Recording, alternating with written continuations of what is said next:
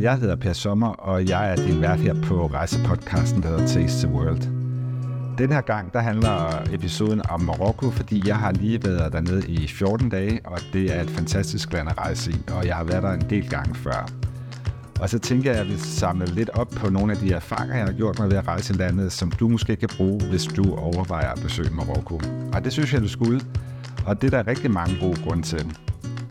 For det første så er det bare et rigtig eksotisk land. Øhm, det er jo et øh, muslimsk land, men så har den også en helt egen unik kultur. Og øh, de fleste danskere, de tager enten til Marrakesh eller Agadir ude ved kysten, og jeg vil anbefale at tage til Marrakesh som det første.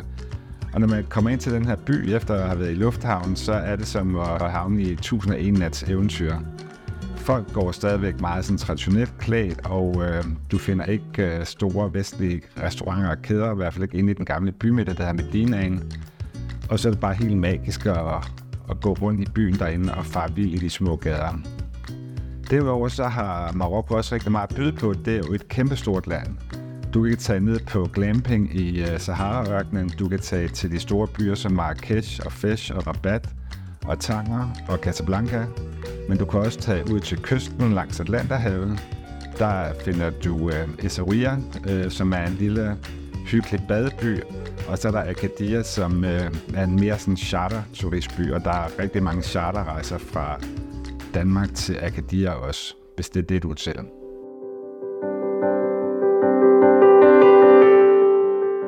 Inden vi går i gang med at kigge på de her 11 ting, som jeg synes, du skal vide, inden du tager til Marokko, så vil jeg bare gerne sige tak, fordi du lytter med. Og øh, hvis du ikke lige helt kan huske, at det bliver sagt, så har jeg også lavet en artikel over på tasteworld.dk. Og øh, her der kan du også finde andre øh, podcast-episoder. Du kan også øh, ind på forsiden af tasteworld.dk tilmelde dig mit nyhedsbrev, og så vil du være blandt de første, der modtager besked om, når der er en ny rejsepodcast på gaden.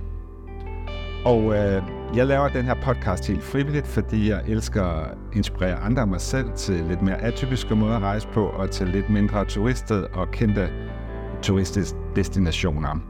Og øh, hvis du har lyst til at støtte mit arbejde, så kan du også gå på tasteworld.dk, og der har jeg en hjemmeside, der hedder Buy Me a Cup of Coffee, så vil du, hvis du vil støtte mit arbejde med øh, det, der svarer til en kop kaffe, så vil jeg være rigtig glad. Og endelig der vil jeg gerne sige, at hvis du lytter med på øh, Spotify eller Apple Podcast, så har du mulighed for at give en nogle stjerner og en kommentar med på vejen. Og hvis du gør det, så er det sådan, at algoritmen fungerer på den måde, at så når podcasten ud til endnu flere. Og det vil jeg selvfølgelig blive rigtig glad for.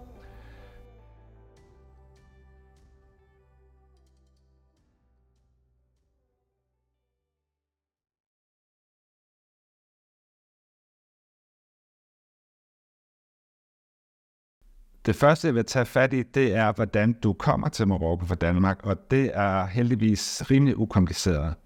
Uh, Norwegian flyver derned flere gange om ugen fra København til Marrakesh, som er den største turistby i landet, og som absolut er et besøg værd.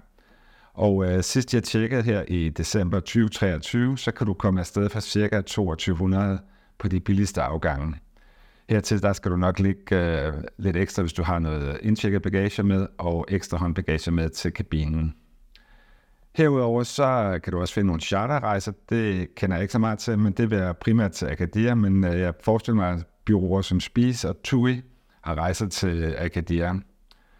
SAS øh, flyver også i vinteren 2023-24 fra København til Agadir, så hvis du vil starte der med SAS, så er det også en mulighed så er det selvfølgelig også muligt at flyve med andre flyselskaber. Jeg ved, at øh, de store flyselskaber som Lufthansa, Air France, Austrian Airways osv. også flyver til Marokko, og der kan du også flyve til nogle af de andre byer, som f.eks. Casablanca og Rabat. Men det kræver det selvfølgelig, at du tager en mellemlanding i en af deres øh, hubs, som det hedder, en af deres centrale øh, lufthavne. Det næste, jeg vil snakke om, det er, hvad skal man egentlig tage pakke til sådan en tur til Marokko? Og øh, ja, det er et godt spørgsmål. Det er jo selvfølgelig smag og behag. Men øh, der er rigtig mange danskere, der tager til Marokko her om vinteren, fordi øh, klimaet er mildt, og øh, der, det ligger på omkring 20-22 grader om dagen. Men det kan blive ret køligt om natten. Øhm, og så er det også lidt afhængigt af, om du er ude ved kysten, eller inde i landet, eller oppe i bjergene, eller ude i Sahara-ørkenen. Men generelt vil jeg sige øh, lunt om vinteren, øh, så tag lag på lag med sådan et klassisk rejseråd. og så bliver det altså ret køligt om aftenen, så tag en sweater og måske en eller anden fleecejakke med. Det regner meget sjældent i Marokko, så du behøver ikke at pakke et regntøj, måske en paraply i tilfælde af, at det skulle regne en lille bit smule. Det er meget almindeligt, at øh, man i Marokko bor på nogle små hoteller, det er Riyadh. Det er nogle gamle bygninger, øh, med, hvor der er sådan en, en gårdhave i midten, og så ligger værelserne rundt om. Øh, mange af de her værelser i Riyadherne har ikke vinduer, og det betyder altså også, at det kan blive lidt køligt. De mere sådan upscale Riyadher har selvfølgelig en masse varme, men øh, et af dem, jeg boede på, for eksempel, da jeg var der hernede sidst, der var der kun en pejs, så jeg skulle tænde op med branden.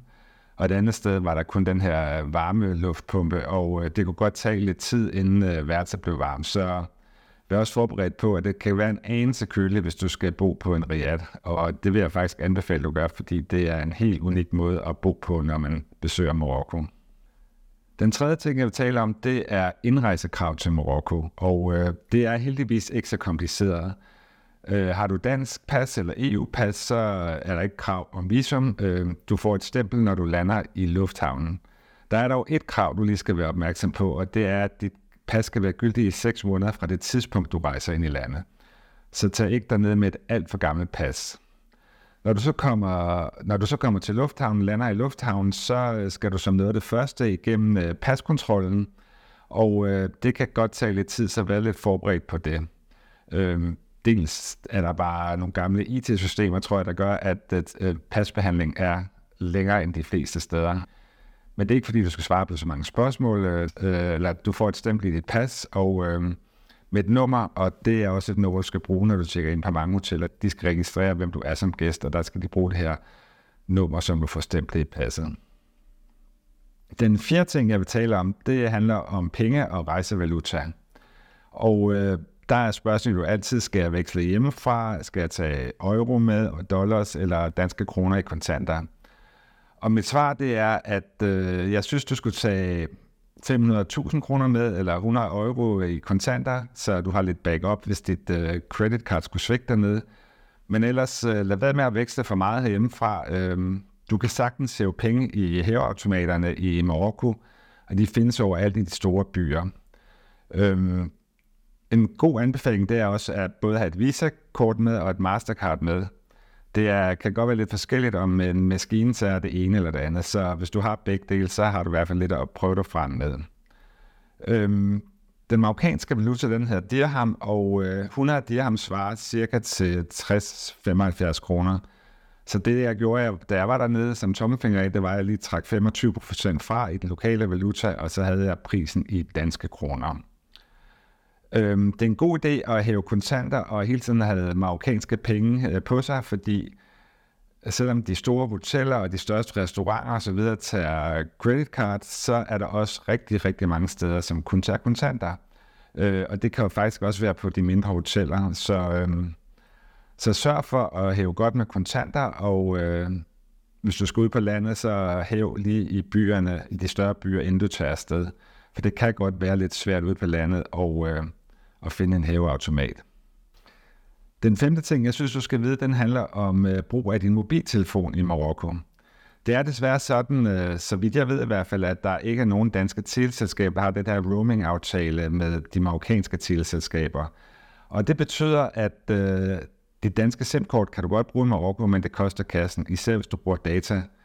Så øh, husk, inden du lander i Marokko, at slå data roaming fra i din mobiltelefon, fordi øh, hvis du ikke gør det, så kan du risikere, at du lige pludselig har brugt for 500-600 kroner bare ved at downloade mails og hente de seneste beskeder fra Facebook og Instagram, hvad du nu ellers bruger. Så det, jeg vil anbefale dig at gøre, det er at købe et lokalt øh, SIM-kort, så snart du kommer til Marokko. Og øh, primært til brug af data har øh, valgt jeg at gøre det, fordi øh, det er godt, at øh, Google Maps virker, når du øh, når du er i øh, landet. Fordi så, hvis du farer vild, især i de større byer, de her små gader, så øh, har du altid en hjælpende hånd i Google Maps. Der findes tre teleselskaber i Marokko, Envy, Marok Telecom og Orange. Og øh, du kan købe et SIM-kort i, øh, der er sådan nogle små telebutik-kiosker i de større, større byer. Jeg er faktisk også ude på landet. Øh, jeg brugte selv Invi, men jeg har hørt, at alle tre øh, øh tele- eller SIM-kort virker lige godt. Og for cirka 100 dirham, eller de her 70 danske kroner, der kan du øh, få et SIM-kort, hvor der er 10 gigabyte data på. Og har du brug for mere data, eller løber du tør for data, så kan du bare finde en kiosk igen, og øh, så tanker du bare op igen med yderligere 100 dirham. Ulempen ved at have det her marokkanske SIM-kort i, det er selvfølgelig, at øh, det danske SIM-kort ikke virker, og det betyder, at folk derhjemme ikke kan ringe til dig på de danske numre. Øh, så det skal du nok sige til folk. Men du kan selvfølgelig altid FaceTime, øhm, øh, eller ringe op via Messenger, eller hvad du nu har andre apps på din telefon. Derudover så øh, har de fleste hoteller og restauranter også øh, wifi, som man kan bruge. Øh, og det er med tvingende kvalitet, men generelt vil jeg sige, at hastighederne de er faktisk okay.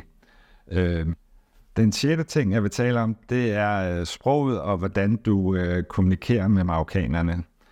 Øh, Marokko er et uland, og det betyder også, at mange ikke har gået i skole, eller en del ikke har gået i skole i hvert fald, så det betyder også, at det ikke er alle, der kan tale engelsk.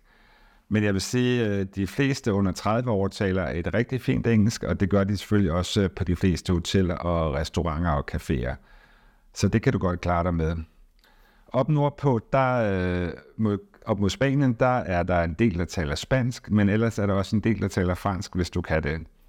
Det er nemlig sådan, at øh, hvad hedder det, Marokko er en tidligere fransk øh, koloni, og fransk bliver stadigvæk brugt øh, mange steder i banker og i regeringskontorer osv.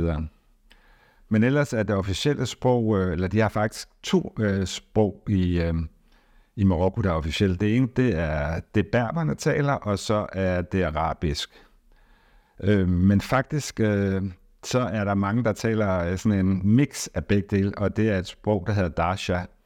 Men øh, du vil typisk kunne se skiltene i hvert fald på arabisk og tit på fransk, og så også på det her berbersprog, som er sådan nogle ret sjove bogstaver, der minder ja, nærmest lidt om hieroglyfer, synes jeg.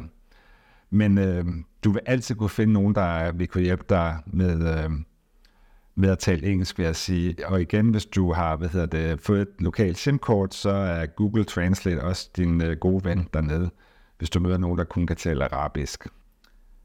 Noget, jeg også tit er blevet spurgt om, når jeg besøger Marokko, det er, om landet er et sikkert land. Og øh, til det, der vil jeg sige ja. Jeg har i hvert fald aldrig oplevet noget. Øh, når man hører, at Marokko er et muslimsk land, så er der faktisk mange danskere, der bliver lidt nervøse ved situationen, øh, fordi det klipper sig lidt til, til et land af det muslimske, der så måske også kan være terrorangreb. Og heldigvis så har der været meget, meget få terrorangreb i Marokko. Og så vidt jeg kunne læse mig til, så har der maks været to terrorangreb i Marokko de sidste 10 år.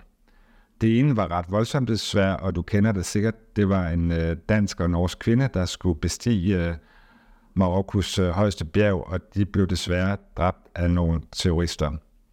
Øh, men det er flere år siden, og det er ikke sket siden. Øh, og politiet er meget opmærksom på, at øh, der ikke skal ske terrorangreb i landet, og det er også et forholdsvis roligt land politisk set, så, øh, så jeg vil mene, at risikoen for, at det skal ske, øh, er meget lille. Men som i alle andre steder, og især de større byer, så vær opmærksom på, øh, på din taske og din telefon og dit kamera, øh, fordi der er lommetyve som alle andre steder. Det er hverken værre eller bedre end for eksempel København, eller Berlin, London eller Paris. Et trick, jeg har hørt om, som jeg har hørt fra andre turister, det er, at hvis du går med din mobil i hånden lidt løst, så kan du risikere, at der kommer sådan en unge fyr på en knaller, der prøver at tage din telefon. Så sørg lige for ikke at stride med, med din telefon alt for meget. Men ellers så vil jeg bare som altid anbefale dig at tjekke øh, Udenrigsministeriets rejsevejledning. Øhm, og lige nu der siger de, at det er helt okay at besøge landet, og det har det sådan set været i rigtig mange år. Den 8. ting, jeg vil tale om, det er de såkaldte scams, eller fupnummer, som det hedder på dansk. Og øh, det er der et par stykker af dernede, som du skal være opmærksom på. Det er ikke noget, der er seriøst. Du skal bare lige øh, kunne kende det, når det opstår. Noget af det, jeg blandt andet der dernede, det var, at jeg gik rundt i turisterområdet, og så kommer der en ældre mand hen til mig og begynder at fortælle om området. Jeg har ikke bedt ham om at opsøge mig osv. Øh, han fortæller lidt om stedets historie. Øh, jeg blev faktisk lidt irriteret, fordi jeg var i gang med at fotografere og havde ikke lyst til at blive guidet. Så jeg sagde pænt til ham, øh, jeg er ikke interesseret, øh, men han spurgte så om nogle penge. Og der, øh, der skal du altså bare hurtigst muligt sige stop til de her øh, øh, guider, der, der gerne vil hjælpe dig og have nogle penge for det. Og det interessante er, at det er faktisk ulovligt at lege guide i Marokko, øh, hvis du ikke har en autorisation. De lever lidt, lever lidt farligt, øh, og hvis, hvis politiet opdager det, så vil de øh, formentlig få en bøde eller blive taget med på politistationen. Du vil også opleve, at når du går rundt i øh, de gamle bymidter i de større byer, så øh, det, der hedder Medina, i de her små kringlede gader, så er det fyldt med små lækre butikker med, med meget fine souvenirs, som øh, ikke er lavet i Kina, men som er mange af dem er lokalt produceret. Og her der vil de handlende stå og råbe dig an. Det er ikke voldsomt. Øh, det er ikke, hvis du er i Ægypten, så er det rigtig slemt. Det her det er en tiende del af, hvad der er i Ægypten. Så man kan sagtens gå rundt i øh, den her Medina og kigge på varer og gå ind i butikkerne og gå igen uden at, at købe noget. I Ægypten, der vil du sikkert få skilt ud, hvis du gjorde sådan noget. Men du skal bare være opmærksom på, at øh, der er ikke priser på varerne i Medina end i de her turistbutikker. Der, der skal man altid hvad hedder prudom-prisen.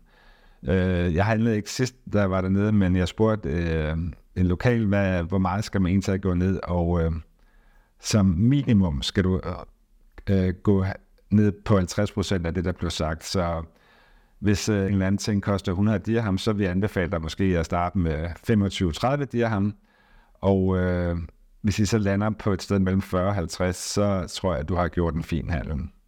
Øh, en anden ting, du også skal være opmærksom på, det er, når du tager taxaer rundt i, i byerne. De har sådan et øh, uh, taxisystem, der hedder Le Petit Taxi, hvor uh, det er små taxaer, der kører rundt ind i bykernerne.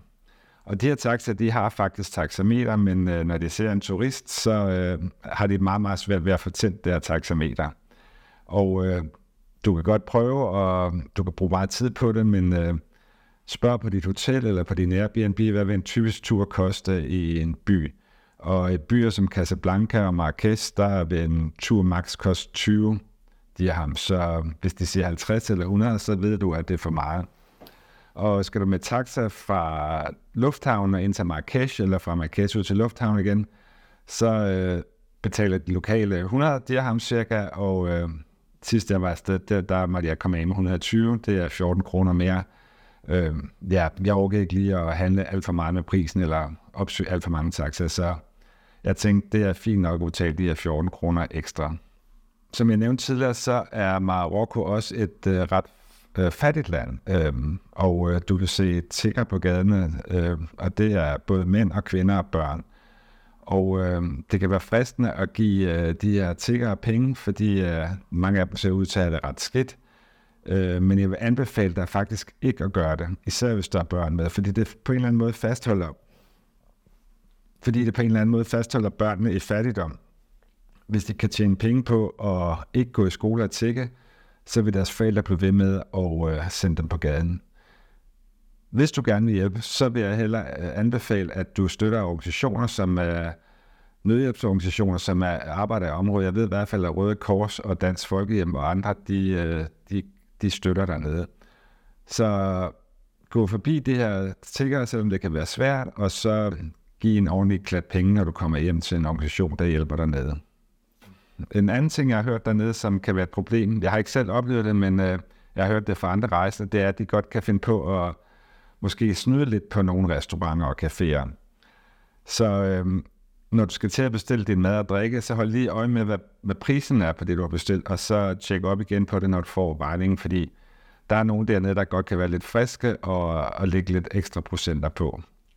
Den ene ting, jeg vil tale øh, om, det er, hvordan du kommer rundt i landet, rejser rundt i landet.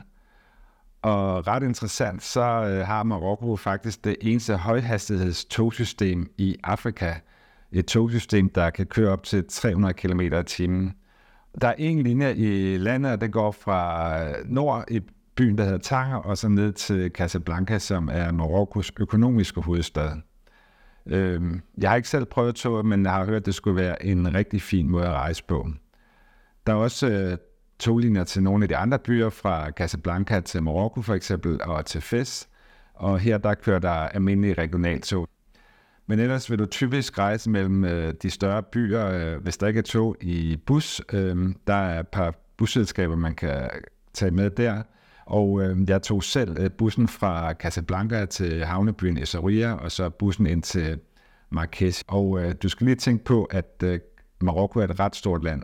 Turen fra Casablanca til Essaouira, den tog 6,5 timer, og turen fra Essaouira ind til Marrakesh tog 2,5 timer. Så hvis du planlægger at rejse rundt i landet, så husk at sætte god tid af til transporten. Du kan også øh, lege sådan nogle øh, deletaxaer, der kører mellem byerne, og de kører lige så snart de bliver fyldt op. Øh, jeg har ikke selv brugt det, fordi jeg synes, det er lidt for kompakt. Der skal nemlig sidde fire på bagsædet, og så kan man så sidde op foran og en person også. Så det er ret tæt, øh, og øh, der er bare mere plads i en bus. Og jeg skal før også huske at nævne, at øh, du kan godt reservere plads i bussen, og hvis du har nogle lange ben, som jeg har, så sørg for at få plads op foran 1, 2, 3, 4 pladser, eller sæder op foran, fordi det her er der lidt ekstra benplads. Du skal også være opmærksom på, at øh, i mange busser er der ikke toilet, så øh, lad være med at drikke alt for meget, så du skal ud og tisse lige pludselig. Typisk på de her lidt længere ture, der øh, er der vil der være en lille pause, hvor øh, der, man kan købe noget kaffe, og så kan man selvfølgelig også gå på toilettet. Og der vil jeg sige, øh, så er altid lige for at lidt papir med i tasken, fordi øh, du kan ikke regne med, at der altid er toiletpapir på toiletterne.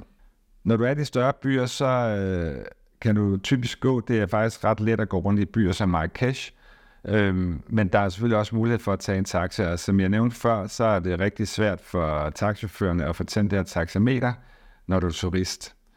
Der er dog en anden mulighed, hvis du ikke gider at bruge om prisen, det er, at de har øh, det, der hedder Karim, som er Marokkos svar på Uber. Altså, du bestiller en vogn via en app på din telefon, øh, jeg prøvede det ikke selv, fordi jeg havde lidt problemer med at få mit credit card oplysning ind i appen, men øh, fordelen ved det er, at du, appen ved jo, hvor du er, og så skriver du ind, hvor du skal hen, og så beregner den pris, og det er så den pris. Så du skal ikke sidde og bruge om prisen øh, i de her taxaer. Øh, den tiende ting, jeg vil tale om, den øh, handler lidt om øh, den marokkanske kultur, og øh, hvad du måske skal være særlig opmærksom på øh, i forhold til hvad du er vant til herhjemmefra i Danmark og andre rejselande. For det første der vil jeg sige, at Marokko er et rigtig let land at rejse i, og befolkningen er utrolig sød og venlig og ret nem at komme i kontakt med. Men som jeg nævnte tidligere, så er Marokko jo et muslimsk land, og øh, det betyder også, at der er rigtig mange flotte moskéer i landet. Men desværre er det sådan i Marokko, at øh, ikke-muslimer har ikke adgang til de fleste moskéer i landet. Som jeg har læst mig frem til, så findes der kun to moskéer i landet, som man kan besøge som turist. Og den ene, øh, den ligger i Casablanca, og den hedder Hassan den andens moské. Det er en kæmpe, kæmpe stor moské, der ligger ned til vandet i øh, den havneby Casablanca.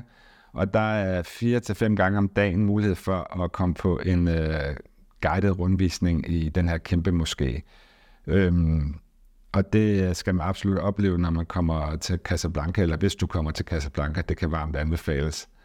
Og det er også sådan, du behøver ikke at følge guiden hele tiden, du kan sagtens gå frit rundt. Øhm, og jeg lagde mærke til, at øh, hvis du som kvinde besøgte den her Hassan den anden måske Casablanca, så var der rigtig mange, der faktisk ikke havde øh, slør på. Øh, så det behøver du i hvert fald ikke den er måske, men jeg vil dog altid anbefale, at øh, du øh, har, som kvinde har et, øh, et eller andet silketørklæde med i din taske, du lige kan dække hovedet lidt med. Det behøver ikke være sådan en hel øh, kutte, du tager på. Det er bare lige noget, der kan dække dit hår. Og nu når vi taler om tøj, så, øh, så er det jo et muslimsk land, og det betyder, at jeg vil anbefale dig at gå lidt mere konservativt klædt, især ind i de større byer. Ude ved strandene og sådan noget, der kan du sagtens gå i badebukser og baddragter, bikini og så videre, men øh, går du rundt ind i bymidterne, så lad være med at tage noget, der er alt for kort på som kvinde, og øh, som mand, der kan du godt gå i shorts, men øh, marokkanerne synes, det er lidt komisk, for det, i de her lande, der er det typisk kun børn, der går i shorts, men øh, jeg gik i shorts dernede og klipklapper, øh, i hvert fald ude, i, ude ved, ved de byer, der lå langs Atlanterhavskysten, så det kan du sagtens gøre. Der er også nogle emner i Marokko, som kan være lidt øh, sådan sensitive at tale om. Øh, det ene, det er det område, der er Vestsahara, som, øh, som Marokko har annekteret, øh, og ifølge FN, så vidt jeg ved, så, øh, så er det ikke anerkendt, at, at Marokko har annekteret det område, men det er, de er ansat som en del af deres land i dag. Øh, dem, der bor i Vestsahara, har et noget andet syn på det. Øh, lad være med at tage det op, fordi det kan godt være ret, en ret sensitiv diskussion. Noget andet, der også kan være lidt øh, svært at tale om, det er politik, og øh, det er sådan, at, øh, at Marokko er et kongedømme, og de har en konge lige nu, og øh, det er også sådan, at selvom øh, Marokko kalder sig demokrati, så har kongen altid det sidste ord, og han blander sig faktisk rigtig meget i, øh, i hvad der sker i landet. Øh, og øh, jeg, jeg kom til at tale op på et tidspunkt, da det var sådan, at øh, jeg godt mærke, at det følsomt, fordi hvis man er modstander af monarkiet dernede, så kan det være ret svært at tale om det. Så det kan også være en god idé at lade det emlæggende, hvis, øh, hvis du møder nogen. Og typisk vil marokkanerne ikke selv tage de her to emner op. Og det sidste, du måske også skal være lidt øh, påpasset med at tale om, det er konflikten i Gaza og Israel. Øhm, det er helt klart, at øh, marokkanerne de er pro-palæstinenser, øhm, og øh, der er meget få dernede, kunne jeg forestille mig, at der er pro-israeler. Du kan se flere steder, der er graffiti, der hedder Free Palestine. Øhm, så det kan også være lidt sensitivt at tale om, men det er det jo næsten også i Danmark. Så nåede vi til det efter og det sidste punkt, og jeg er glad for, at du stadigvæk hænger på og lytter med. Øhm, og det, jeg vil tale om her til sidst, det er maden i Marokko, som er virkelig dejlig og skøn og lavet med friske råvarer. Når du kommer til Marokko, der vil du helt klart øh, komme til at smage den ret, der hedder tagine, og det er sådan et lerfad, hvor der er sådan en øh, lertop på, hvor man øh, fylder op med kød og grøntsager, og så står det så og steger tit flere timer, og så står det her alt sammen og bliver lækkert mørt og, og saftigt. Øhm, det skal du absolut prøve, og hvis du kan finde et sted på gaden, hvor det sælger det, så vil jeg helt klart anbefale dig det øh, fordi det er bare mere autentisk at sidde på en klapstol og et campingbord øh, på fortoget og få den her lækre ret. Herover så er couscous også en meget øh, udbredt ret øh, med forskellige tilbehør til. Det er også en ret, der pastilla, som er sådan noget indbagt noget, og det, der er lidt sjovt på det, det er, at det godt kan være lidt sødt. Øh, tit putter de nogle tørrede frugter i osv. Øh, prøv det. Jeg er ikke så vild med den her søde smag, når det gælder i kombination med kød og grøntsager, men det er i hvert fald værd at prøve. Det, der også er interessant med marokkansk øh, mad, eller den marokkanske madscene, det er jo, at øh, Marokko har været en tidligere fransk koloni, og det kan man tydeligt mærke, når man går ud og spiser. Du vil se mange øh, franske retter, blandt andet min livret, eller en af dem, det er creme brûlée.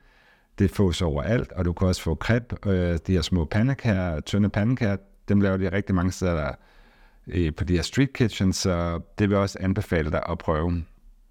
Og så selvom Marokko er et muslimsk land, så kan man, jeg vil ikke sige sagtens få alkohol, men uh, du kan sagtens få det på hoteller og restauranter, der primært henvender sig til, uh, til turister. Der findes også i de større byer, uh, det er nærmest kaldt værtshus. Jeg var inde på et en aften, uh, man må desværre ryge uh, de her steder, så jeg blev ikke så længe, fordi uh, det bryder jeg mig ikke så meget om. Uh, så det kan også gå ud og få en øl, og de har den lokale øl, der Casablanca, som smager udmærket. Og så er det også sjovt, at øh, Marokko har de også en vinproduktion, så du har også mulighed for at smage øh, lokalt produceret vin. Og så vil jeg anbefale dig, hvis du har tid til det, at øh, tage på kokkeskole i Marokko. Det er en ret sjov oplevelse. Så lærer du også, hvordan, øh, eller hvilke ingredienser, der indgår i øh, den marokkanske mad. Øh, der er flere steder, du kan finde kokkeskoler. Du gør det ind på TripAdvisor, Airbnb. Oplevelser har også kokkeskoler. Og typisk foregår det på den måde, at man øh, bliver introduceret til den mad, man skal lave, og så går man på markedet sammen øh, og køber de krydderier, man skal bruge, og lærer noget om dem. Øh, og måske køber man også en frisk kylling, og ligefrem måske kan se, at, at kyllingen bliver slagtet og parteret. Og så går man så tilbage og laver mad sammen med sine venner og familie og nogle andre turister, og det er også en rigtig sjov måde at møde andre mennesker på, så jeg kan varmt anbefale at tage på kokkeskole når du er i landet. Det var mine øh, 11 ting, du skal vide, inden du tager til Marokko. Jeg håber, at du fandt det inspirerende og anvendeligt. Har du nogle spørgsmål eller kommentarer, så er du selvfølgelig velkommen til at skrive til mig. Det kan du gøre på persnabelag.tcworld.dk, så skal jeg forsøge at svare efter bedste evne. Og kunne du lide dagens afsnit, så øh, giv gerne et like og en kommentar. Det kan du gøre, hvis du lytter på Spotify eller på Apple Podcast.